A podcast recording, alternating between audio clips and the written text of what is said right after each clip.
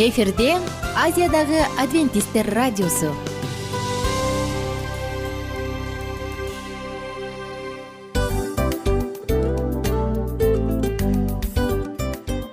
Достор салют. Баардык сүйүктүү угармандарыбызга салам айтабыз. Кутман күнүңүздөр менен. Ден соолук өмүрдүн булагы демекчи саламат саамы программасында баарыңыздарды көргөнүбүзгө абдан кубанычтабыз. Анда алгач амандашып өтөлү арбаңыздар деп. Ден соолугуңуздар кандай элибизде көбүнчө ден соолук кандай дегенде эле жакшы деп жооп беребиз э ооруп турсак дагы жакшы дейбиз. Анан мен муну айтып ойлойт элем бул абдан сонун сөз депчи анткени бул жакшы деген үмүт да э ооба баары жакшы болот баары сонун. Үмүттөнүп атып эле өзүбүздү өзүбүз дарылап коебуз.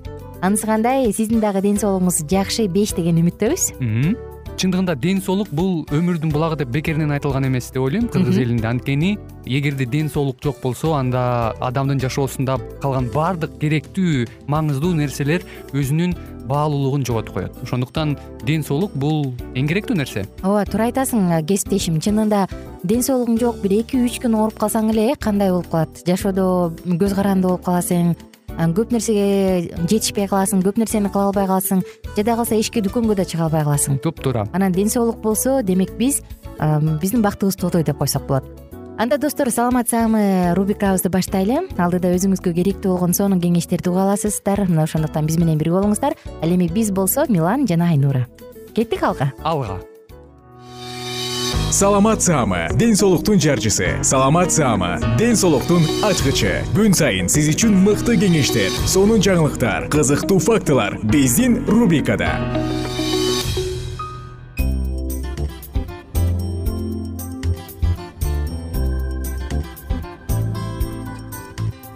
Саламатсыздарбы достор. Кандайсыздар? Маанайы жакшыбы бүгүнкү күн кандай өтүп жатат? Кандай жаңылыктарыңыз бар а мен болсо сиздер менен кайрадан саламат саама рубрикасында үн алышканыма кубанычтамын. Жана бүгүнкү тема ортоңку кулакка суук тийүүнүн алдын алуу. Ооба достор бул биздин саламаттуу дене циклибиздин уландысы сиздер менен кулак жөнүндө кереметтин баардыгын угуп көрүп келе жатабыз. Кулакка кам көрдүк эми кулакты суук тийүүлөрдөн кантип сактаса болот? Мына ушул жөнүндө сөз кылабыз. Достор кулак ооруп кыйналдыңыз беле кимдир бирөө жашоосунда жок дегенде бир жолу кыйналса керек э? Муну баягы айтып коет эмеспи душманыңа да каалабайсың деп. Чындыгында ушундай. Анткени кулак ооруганда адамдын башы тамагына чейин баардыгы ооруйт дагы эң эле коркунучтуу кеңири таралган кулак оорулардын бири бул атит. Атит жөнүндө биз кененирээк алдыда сонундардын баардыгын айтып беребиз. Бирок атит эмне экенин баары эле билбейт.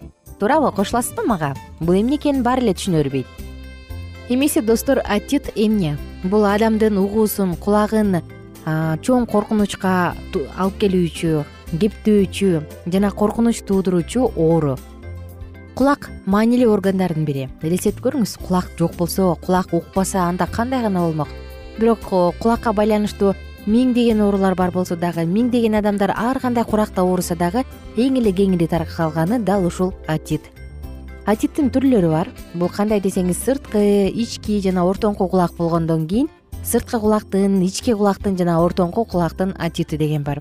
Эң эле негизги кулактын функцияларынын бири бул бир гана үндөрдү дабыштарды угуу эмес э андан сырткары анын вестибулярдык функциясы дагы бар.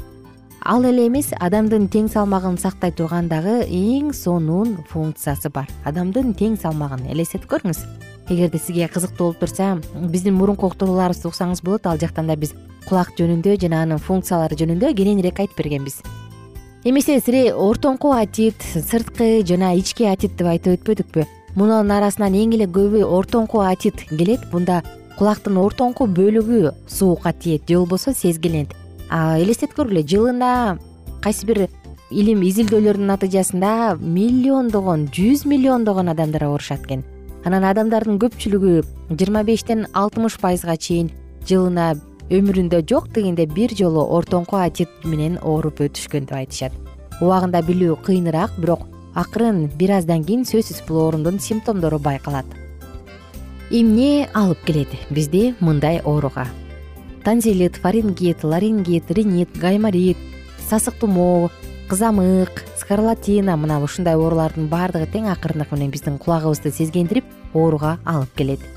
Ошондой эле достор андан ары уланта турган болсок кулак оорунун дагы бир түрү бар. Бул сироздук атит деп аталат э? Мында табарсыкка суук тийип калат дагы. Саргыч болгон ириң сыяктуу болгон ириң эле деп айтсам болот. Саргыч суусундук бөлүнүп чыга баштайт. Кайсы бир учурда өзгөчө кичинекей балдардын көп бөлүгү бул ооруга сөзсүз жолугушат он он беш күндөн кийин оору акырындан айыга баштайт дагы баягы сары суусундук өзү эле жоголуп кетет экен. Элестетип көрүңүз. Демек достор кулагым оорубасын деп турган деп турсаңыз анда эмне кылыш керек? Биринчи эле кезекте кулакты отит жана цирроздук отит сыяктуу оорулардан сактайм десеңиз кулагыңыз тоңуп калбасын катуу ызгардуу муздактан шамалдан сактаңыз. Кулак мурун тамак мулардага дагы респиратордук инфекциялар болгондо алардын баардыгы акырындык менен кулакка өтөт. Мына ушундай оорудан сактаныңыз. Муруңузду былжырлардан убагында тазалап туруңуз. Убагыңызды мурдуңузду туздалган суу менен жууп туруңуз. Туура чимкириңиз туура чыгарыңыз аларды. Эки жыртыгын тең бирдей басып туруп тешикти чимкирсеңиз бул оорутат кулакты да оорутат мына ошондуктан бир бирден гана тешигин басып акырындык менен сыртка чыгарыңыз былжырдын баардыгын ошондой эле достор сүт жана сүт азыктарынан сактанган жакшы. Кайсы бир изилдөөдө элестеткиле атит менен ооруган балдар ренит менен ооруган бронхия жана башка оорулар менен ооруган адам балдар уйдун сүтүнөн баш тартканда батыраак айыгышкан. Ал эми уйдун сүтүнөн баш тартпаган балдар тескерисинче оорусу ого бетер андан ары күчөгөн. Гейнер синдрому деген нерсе бар эмеспи дал ушул нерсенин аллергиянын түрү дагы дал ушул уйдун сүтүнө карата болот ошондуктан уйдун сүтүн абайлаңыз тескерисинче кичинекей кезибизде бизде тескерисинче апаларыбыз койдун майынан сүйкөп туруп ичкиле жегиле деп берчү эле анан кийин кесепети катуу болуп калат ошондуктан абайлаңыздар мындай нерседен баш тарткан жакшы. Балдардын кулак оорусу көбүнчө алты айдан баштап эки жашка чейин көбүрөөк кездешет. Бат ооруп калышат бат кыйналышат бат эле жатып калат бат эле туруп калат. Түшүнүксүз э эң оор учур айта да албайт эмнеси ооруп атканын. Бирок бул учурда тамагына жана жогоруда айтылган симптомдорго көңүл бурсаңыз баардыгы сонун болот. Эми достор угуу угуу деп келатпайбызбы? Угуу жөнүндө айта кетсек ымыркайларда угуу бар жок экенин жакшы угат жакшы укпайт экенин кантип билебиз? Кичинекей ымыркайлар эгерде педиатрга же болбосо аталарингологко баргандан кийин же ага чейин эле кулак угуусу начар экенин байкап калсаңыз анда жакшылап байкоо жүргүзүңүз. Бала көзүн ирмебейт мындай бир шум чыкканда ызы чуу катуу добуш чыкканда селт этип кетпейт. Катуу үнгө көп реакция кылбайт. Демек баланын угуусунда коркунуч бар. Андан сырткары достор эки үч жаштарга чейин баланын атын айтсаң ал таптакыр сени карап карабайт. Же болбосо тынчтанбайт же жылмайбайт энесинин үнүн уккан кезде анда балада көйгөй бар. Алты айдан баштап чоңоюп калган кезде балада жок дегенди түшүнбөй атса же болбосо ушундай сөздөрдү айта албай атса башкалардын үнүнө таптакыр реакция кылбаса ошондой эле өзү сүйлөгөндө катуу сүйлөп сыналгынын телефондун үнүн катуураак кылып беришин өтүнүп жатса демек баланы аталарингологко көрсөтүш керек. Достор угуу бул эң керек угуу бул эң маанилүү. Элестетип көрүңүз дал ушул угуу биздин жашообузду миң түркүн нерсеге бөлөйт эмеспизби биз сүйүктүүлөрүбүздүн үнүн сөзүн балдарыбыздын каткырганын уга алабыз биз өзүбүз сүйгөн музыкалык чыгармаларды уга алабыз биз бийлей алабыз. Ошондуктан айтарыбыз угасызбы? демек сизге чоң белек берилген. Аны сактаңыз аны барктаңыз жана кулагыңызга туура кам көрүңүз. А мен болсо сиздер менен коштошом убактылуу гана кийинки уктуруудан кайрадан амандашканча сак саламатта туруңуздар. Күнүңүздөр мыкты маанайда улансын. Бар болуңуздар жана бай болуңуздар саламат саама ден соолуктун жарчысы. Саламат саама ден соолуктун ачкычы. Күн сайын сиз үчүн мыкты кеңештер сонун жаңылыктар кызыктуу фактылар биздин рубрикада. Салют замандаштар баарыңыздарга ысык салам. Дил маек программабызга кош келиңиздер. Дил маек рубрикасы дегенде эле бул эмне болгон дил маек ким менен маектешебиз деп сурайт болуш керек угармандарыбыз бул рубриканы кыскача тааныштыра кете турган болсок ар тарап кесип ээлеринен болгон сонун интервью кеңештер бар. Ооба. Жылдыздар менен болгон маек бар. Аталарыбыздын агаларыбыздын чоң аталарыбыздан сонун кеңештер бар. Ошондой эле эже сиңдилердин кеңештери бар. Айтор баардык кызыктардын баары алдыда негизи эле адам баласы бир кимдир бирөөнө ишенип сырын ачкысы келет эмеспи э мындай баарлашууга жакын келебиз го? Албетте. Негизи бир жерге отуруп алып кенен шашпай баягы жүрөктөн жүрөккө ачып сырларыбызды ар кандай көйгөйлөрүбүз менен бөлүшүп баягы чын жүрөктөн маек курганды кимибиз сүйбөйбүз э? Ооба десең ал нерсеге суусап да келебиз да. Ооба кээ бирде адамга чындыгында баягы э, ысык маек баягы жылуу маек жетишпейт да. Ошондуктан биз ушул рубриканы ойлоп тапканыбызда эң биринчи эле достор сиздер менен чын жүрөктөн бир маңыздуу темаларды козгоп кеткени э, кааладык. Ошондуктан ушундай сонун бир рубриканы тартуулап жатабыз. Анын үстүнө радио дагы сонун дос да анткени э, мындай учурда досуңа айтсаң досуң досуна айтат досу досуна айтат да анан бүт өлкө билип калышы мүмкүн го. А радио болсо сени сатпаган сенин айыбыңды ачпаган.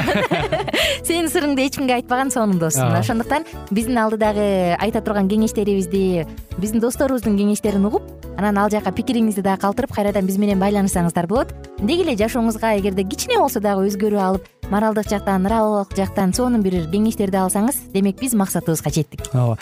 Чыңгыз атабыз улуу жазуучу э, чыңгыз айтматов айткандай адам болуу бул күнүмдүк процесс экен. Күн сайын адам бойдон калуу бул адамзатка эң эле кыйын дейт э? э эң кыйын дейт. Чындыгында бунун э, негизинде адамдын эң баягы сапаттуулугу адамдын э, адамгерчилиги жана көптөгөн керектүү нерселер.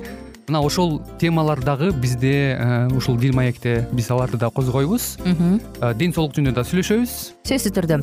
Анан милан мырза негизи айтып коюшат го биз көбүнчө эмнени ойлонсок ошол нерсеге карата иш кылабыз го. Ооба. Анан анысы кандай? Балким бул радио баракчада кимдир бирөөнүн оюн текшергенге жардам берет кимдир бирөөнүн жүрөгүн текшергенге жардам берет. Балким кимдир бирөөгө жашоонун маңызын тапканга жардам берет айтор кызыктын баары алдыда бул жөн гана кыскача жарнама анда угармандарыбыздын баардыгын кийинки рубрикабызга чакырабыз. Ал эми кызматта маңдайымда отурган кесиптешим милан жана мен айнура. Анда эмесе биз даярдаган терең терең ойлор менен таанышууга кеттик. Алыс алыс баралык анда эмесе достор биз менен бирге болуңуздар. Алдыда эң кызыктуу маалыматтардын баардыгы бир нече мүнөттөр бою жалгыз гана сизге арналат. Мына ошондуктан жакшы маанай менен угууну каалайбыз. Үн алышканча. Жөнөдүк. Ар түрдүү ардактуу кесип ээлеринен алтын сөздөр жүрөк ачышкан сыр чачышкан сонун маек дил маек рубрикасында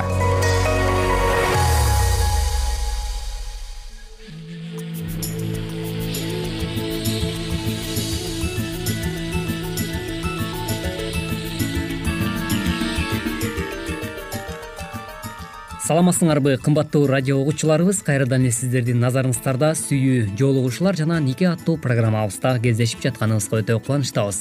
Бүгүнкү программабыздын чыгарылышында кайрадан эле биз сиздер менен сүйүү жаатында темабызды улантабыз. Андыктан биз менен биргеликте болуңуздар. Эгерде сүйүү жаатында эки жаш бири бирлеринен шектенип жатышса анда бул мамилеңерди токтотуп койгонуңар эле жакшыраак болот экен анда эмесе мисалы үчүн э, кандайдыр бир деңгээлде эки жаш сүйүү жаатында мамиле куруп жаткан учурда бири бирине карата болгон шектенүүлөр пайда болуп жатса анда токтотуп коюу жакшы болуп саналат экен. Эгерде силердин мамилеңерде кандайдыр бир шектенүүлөр пайда болсо убактылуу мамилеңерди үзүп койгонуңар эле жакшы. Демек бул жаатта таптакыр эле жоолугушпай койгонуңар жакшы болуп саналат экен.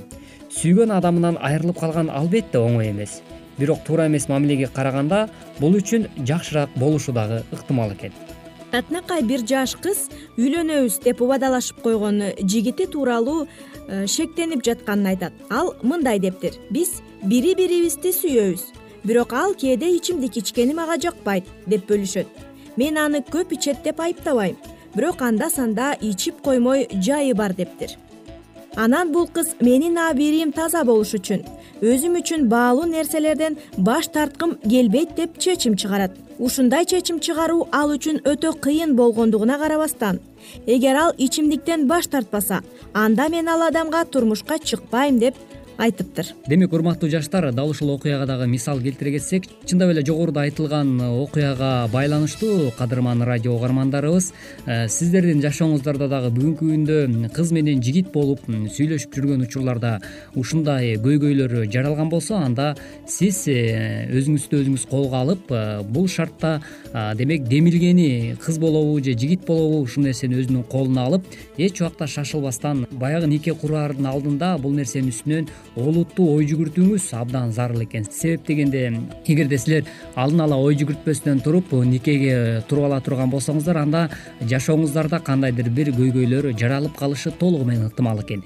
Демек бул жаатта кыз көбүрөөк демилгени өз колуна алып бир тыянак чыгара турган болсо анда сөзсүз түрдө кийинки болочоктогу никелик жашоону курууда дагы жакшы бир тажрыйба болуп саналат экен. Андыктан анда эмесе урматтуу жаштар баардыгыңыздарга сүйүү жаатында деле болсо биз ийгиликтерди каалайбыз. Ошо менен биргеликте эле программабызды кайрадан уланта бермекчибиз. Андыктан биз менен бирге болгула. Бирок ошол кыз э, бирок ошол кыз жигити ичимдикти таштабагандыктан ага турмушка чыкпай коет экен. Андан кийин бир жыл өткөндөн кийин досуна мындай деп кат жазып жиберет экен бул айрылуудан кийин менин ички дүйнөм талкаланып калгандай болду. Э, бирок бирок бул адам мен үчүн эмес экендигин билгем. Көп өтпөй эле мен башка адамга жолугуп ошол адамга турмушка чыктым деп кат жазыптыр. Демек ардактуу угармандарыбыз дал ушул айымдын жашоосунан өткөргөн бул тажрыйба сөзсүз түрдө биздин жашообузга дагы чоң бир сабак болуп калышы керек деген ойго дагы келсек болот экен. Андыктан андыктан келиңиздер э, жалпыбыз биргеликте э, бул жаатта нике курууда сөзсүз түрдө ойлонушубуз керек экен. Анткени биз буга чейинки программабызда дагы бир нече жолу кайталап өткөнбүз. Нике бул жөн эле оюнчук эмес же болбосо жөн эле бир базардан буюм сатып алып аткан жоксуң. э, деген ар кандай мисалдарды дагы келтирип өткөнбүз. Демек үй бүлө куруу бул олуттуу маселе десек дагы эч убакта жаңылышпайбыз. Андыктан бул жаатта эч убакта шашылбаш зарыл экен. Шашылбагыла. Силердин сезимдериңер кызыгуу же чыныгы сүйүү экендигин айырмалап билүү үчүн убакыт талап кылынат экен. Ошондуктан өмүр бою өзгөртө албай турган чечим чыгараардан мурда көп ойлонуу зарыл чындап эле турмуш кураардын алдында мисалы кыз болобу эркек болобу сөзсүз түрдө э, ар бир эле адам өзүнүн ишин мисалы ойлонуштуруп кылганга аракет кылат эмеспи. Э, биз сүйүү жаатын мындай эле кое туруп мисалы жөнөкөй эле жашоо турмушта мисалы сен өзүңдүн жашооңдо бир буюм ала турган болсоң деле же болбосо бир кандайдыр бир техникалык каражаттарды алаардын алдында деле сөзсүз түрдө ал туурасында маалымат алып э, ал кандай фирмада чыгарылган сапаты кандай ушул жака дагы маани берет эмеспизби чынбы? Э, демек үй бүлө кураардын алдында деле э, ушуга окшогон маселелер алдыда турат экен. Албетте кыздар турмушка чыгаардын алдында кимге турмушка чыгып атканына карап ал адам кандай адам экен? Ал кандай үй бүлөдө экен? Кийин биздин жашообузга кам көрө алабы кам көрө албайбы э, деген нерселерди дагы терең ойлондурса жакшы болуп чыдай экен сөзсүз түрдө андыктан бул жаатта дагы урматтуу жаштар э, жогорудагы айтылган баардык э, кеп кеңештерди э, жашооңуздарда колдоносуздар деген үмүт менен биз болсо сапарыбызды уланта бермекчибиз. Мындан сырткары дагы нике кураардын алдында дагы олуттуу бир көйгөйлөрдү чагылдырган бир маселе бар экен. Бул жыныстык байланышта болуу көйгөйү анда эмесе дал ушул туурасында дагы ойлор менен бөлүшүп өтсөк жыныстык байланышта болуу кызыгуунун узак убакытка созулушуна жол берет экен алар жыныстык байланышта жакындыкта жана бири бирине тартылууну чыныгы сүйүү деп кабыл алып алданып калышы мүмкүн. Ооба чындап эле жаштардын арасында дагы ушундай көйгөйлөр э, сөзсүз түрдө кездешет. Буга чейинки бир нече программаларыбызда дагы дал ушул э, эки жаштын ортосундагы э, никеге кура элекке чейинки абалдагы жыныстык катнашка баруу туурасында анын кесепетинен келип чыккан көптөгөн көйгөйлөр туурасында дагы биз сөз кылып өткөнбүз. Ал эми мындан кантип абайлаш керек ушул туурасында дагы кеп кылып өтсөк э, сезимдериңди текшерүү үчүн э, жыныстык байланышка жол бербешиңер керек экен кээ бир жаштар мындай деп ойлонушат экен. Мен жыныстык байланыштан ырахат алып жаткандан кийин үй бүлө курсак эмне болмок эле деп буга мындай деп жооп бермекчибиз. Жыныстык байланыштан башталган нике эч качан туруктуу болбойт. Мындай нике үч төрт жылга гана созулат экен. Дагы бир жолу баса белгилеп кеткибиз келет. Шашпагыла арадан убакыт өтсүн. Жыныстык мамилелерге жол берсең өзүңдү өзүң алдап бул сыноолорго туруштук бере албайсың чындап эле никеге чейин жыныстык байланышта болуунун э, мындайча айтканда үй бүлөлүк турмуштагы фундаменти дейбизби же болбосо бекем пайдубалынын бекем пайдубалынын өмүрү кыска болуп калышы толугу менен мүмкүн экен. Себеп дегенде никеге чейин жыныстык байланышта болгон жубайларды сурамжылоо жүргүзүп келгенде көпчүлүк бөлүгү ажырашуулардын катарын толуктаган экен да. Андыктан бул туурасында дагы албетте эки жаш олуттуу ойлонуулары зарыл экен. Эмки берүүбүздөн кайрадан эле биз сиздер менен дал ушул аба толкундан үн алышканча сак саламатта болуңуздар. Ар түрдүү ардактуу кесип ээлеринен алтын сөздөр жүрөк ачышкан сыр чачышкан сонун маек. Бил маек рубрикасында жан дүйнөңдү байыткан жүрөгүңдү азыктанткан жашооңо маңыз тартуулаган жан азык рубрикасы.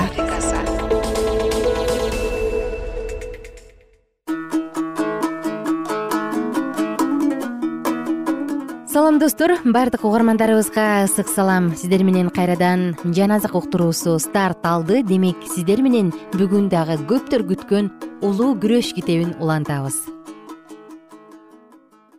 адамдардын көз карашы боюнча кудайдын уулдары жакында өз күбөлүктөрүн каны менен бекемдеши керек.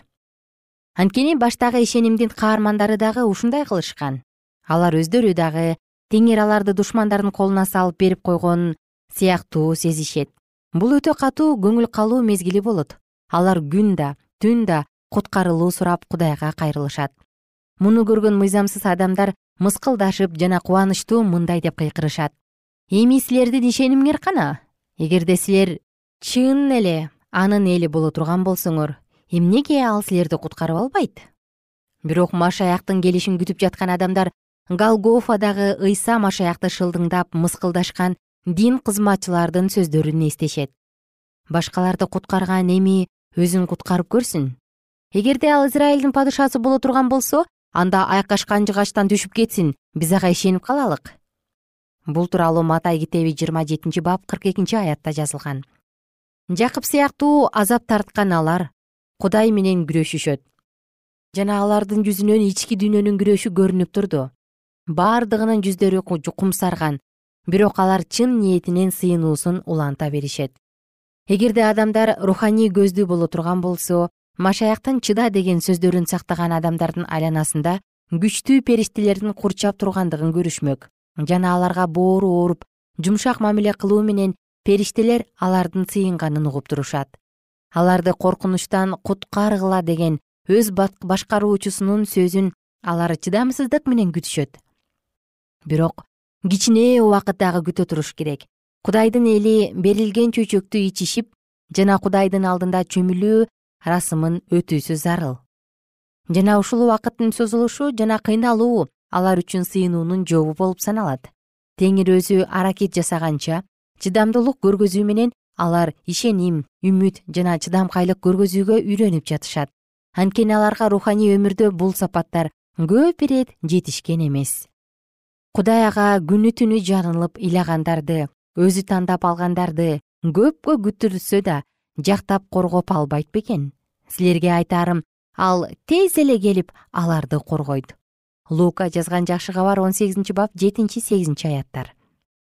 Адамдар күтүп жаткандыгынан акыркы мезгил бат эле келет. Буудайлар кудайдын кампасына киргизилип ал эми отоо чөптөр өрттөлүш үчүн чогултулат.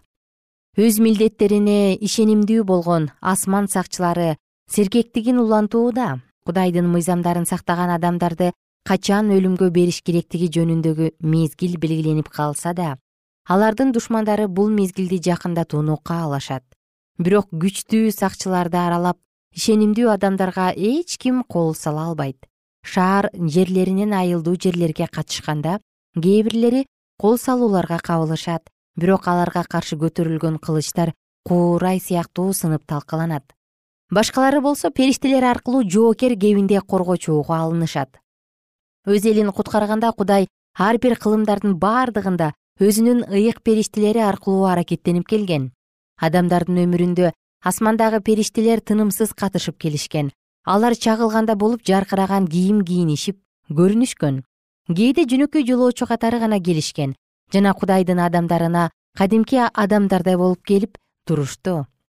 Алар жолдон чаалыккан адам сыяктуу күндүн аптабында дарактардын алдында көлөкөлөшкөн жана адамдардын меймандостугун кабыл алышкан кечинде жол таппай темсилеген адамдарга жол көргөзүп келишкен. Алар өз колдору менен курмандыктын отун жагып тутандырышкан алар зындандардын эшиктерин ачышып жана кудайдын кызматчыларын ал жерден бошотушкан. Куткаруучунун мүрзөсүнүн оозунан ташты алып салыш үчүн алар асмандан жаркыраган кийими менен келишкен. Адам кебетесинде алар адилеттүү адамдардын жыйындарында дагы катышат жана садомдо анын тургундарынын иштерин жазып алардын кудайдын чыдамдуулугуна маани бербеген мыйзамсыз иштерине өкүм жүргүзүш үчүн келген сыяктуу адилетсиз адамдардын жыйындарында дагы болот. Теңир айым кылганды жакшы көрөт. Жана ага ишенимдүү болгон аз адамдар үчүн өкүмүн токтотуп көпчүлүк адамдардын тынчтыгын узартат ким кудайга каршы көтөрүлгөн болсо өздөрүнүн өмүрүндө күлүп шылдыңдаган кудайга ишенген адамдарга көп милдеттүү экендигин билиши керек. Дүйнөнүн башчылары өздөрү сезбегени менен алардын жыйындарында периштелер адам кебинде көп олтуруп калышат катышат дагы. Адамдар алардын сөздөрүн угуп аларды карашат жана кээ бир айткан жакшы нерселерин шылдың кылып күлкүгө алат. Жолугушуу залында жана сот жүрө турган жерлерде бул асман жарчылары адам тарыхындагы эң терең сабактарды берет жана кайгы тарткандарды эң эле жакшы адвокаттарга караганда жакшы жактап чыгышат. Алар кудайдын ишине жолтоо боло турган жана анын элине кайгы алып келген зулум пландарды талкалап жаман иштерди токтотот. Коркунуч жана кайгы саатында кудайдын периштеси теңирден корккондорду коргойт да куткарат. Бул тууралуу забур китеби отузунчу бап сегизинчи аятта жазылган кудайдын эли үмүт менен өздөрүнүн падышасынын келишин күтүп жатат. Качан сакчылардан түн мезгилине канча болду? деп сураса алар солкулдабастан мындай деп жооп беришет. Таң сүрүп келе жатат. Бирок али түн. Ышая жыйырма бир он биринчи он экинчи аяттар. Жарык бийик тоонун чокусунда булуттарды жарып чыгат. Жакында анын даңкы пайда болот. Жана адилеттиктин күнү жаркырап тиет. Таң адилеттүүлөрдүн түбөлүктүү күнүнүн башталышы жана караңгы адилетсиздердин түбөлүктүү жакындап калган түнү.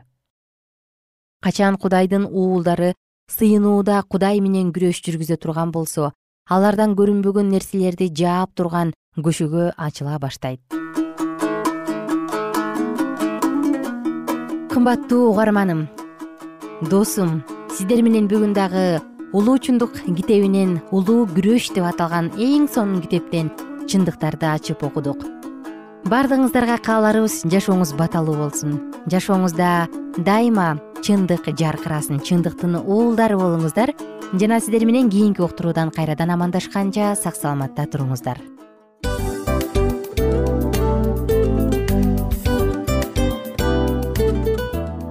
ушун менен достор программабыздын уктуруубуздун эң кайгылуу мөөнөтүнө келип жеттик. Кайгылуу дегенде ыйлагым келип кетти кесиптеш. Кадимкидей. Анткени баягы учурашасың анан коштошуу учур келгенде ии кантип ии эми бат баттан келиптир э сагындырбай деп атып араң коштошобуз го анысы кандай угармандарыбыз менен коштошчу учур келди кийинки уктурууларды сагыныч менен жүрөгүбүздө кусалык менен күтөбүз жалпыңыздарды анан жарым сааттык уктуруу көз ачышым канча өтүп кетти. Сөзсүз бирок бизде жакшы кабар бар. Кийинки уктурууларыбызда сөзсүз дагы кезигишебиз. Анткени биз көптөгөн сюрприздерди кызыктуу маалыматтарды жана керектүү керектүү нерселердин көбүнчөсүн даярдадык. Анда угармандарыбыздын баардыгына ийгиликтүү күн каалайбыз эгерде бүгүнкү күнүңүз өзгөчө э, өтүшүн кааласаңыз анда позитивдүү ой жүгүртүп жылмайып жакындарыңызга жакшы маанай тартуулап жүрө бериңиз анткени сөзсүз түрдө мунун арты кайтат э? Сөзсүз. Баягы ден соолугуң оңолот ал бул деп көп нерсени санап келебиз. Эң негизгиси бул сиздин жашооңузду жаркын кыла түшөт экен. Жараткан кудай ар бирөөңүздөргө батасын берсин жашооңуз ийгиликтүү болсун сак саламатта калыңыздар деп мен милан жана кесиптешим айнура. Баардыгыңыздар менен кийинки уктуруудо үн алышканча. Баарыңыздарга ийгилик каалайбыз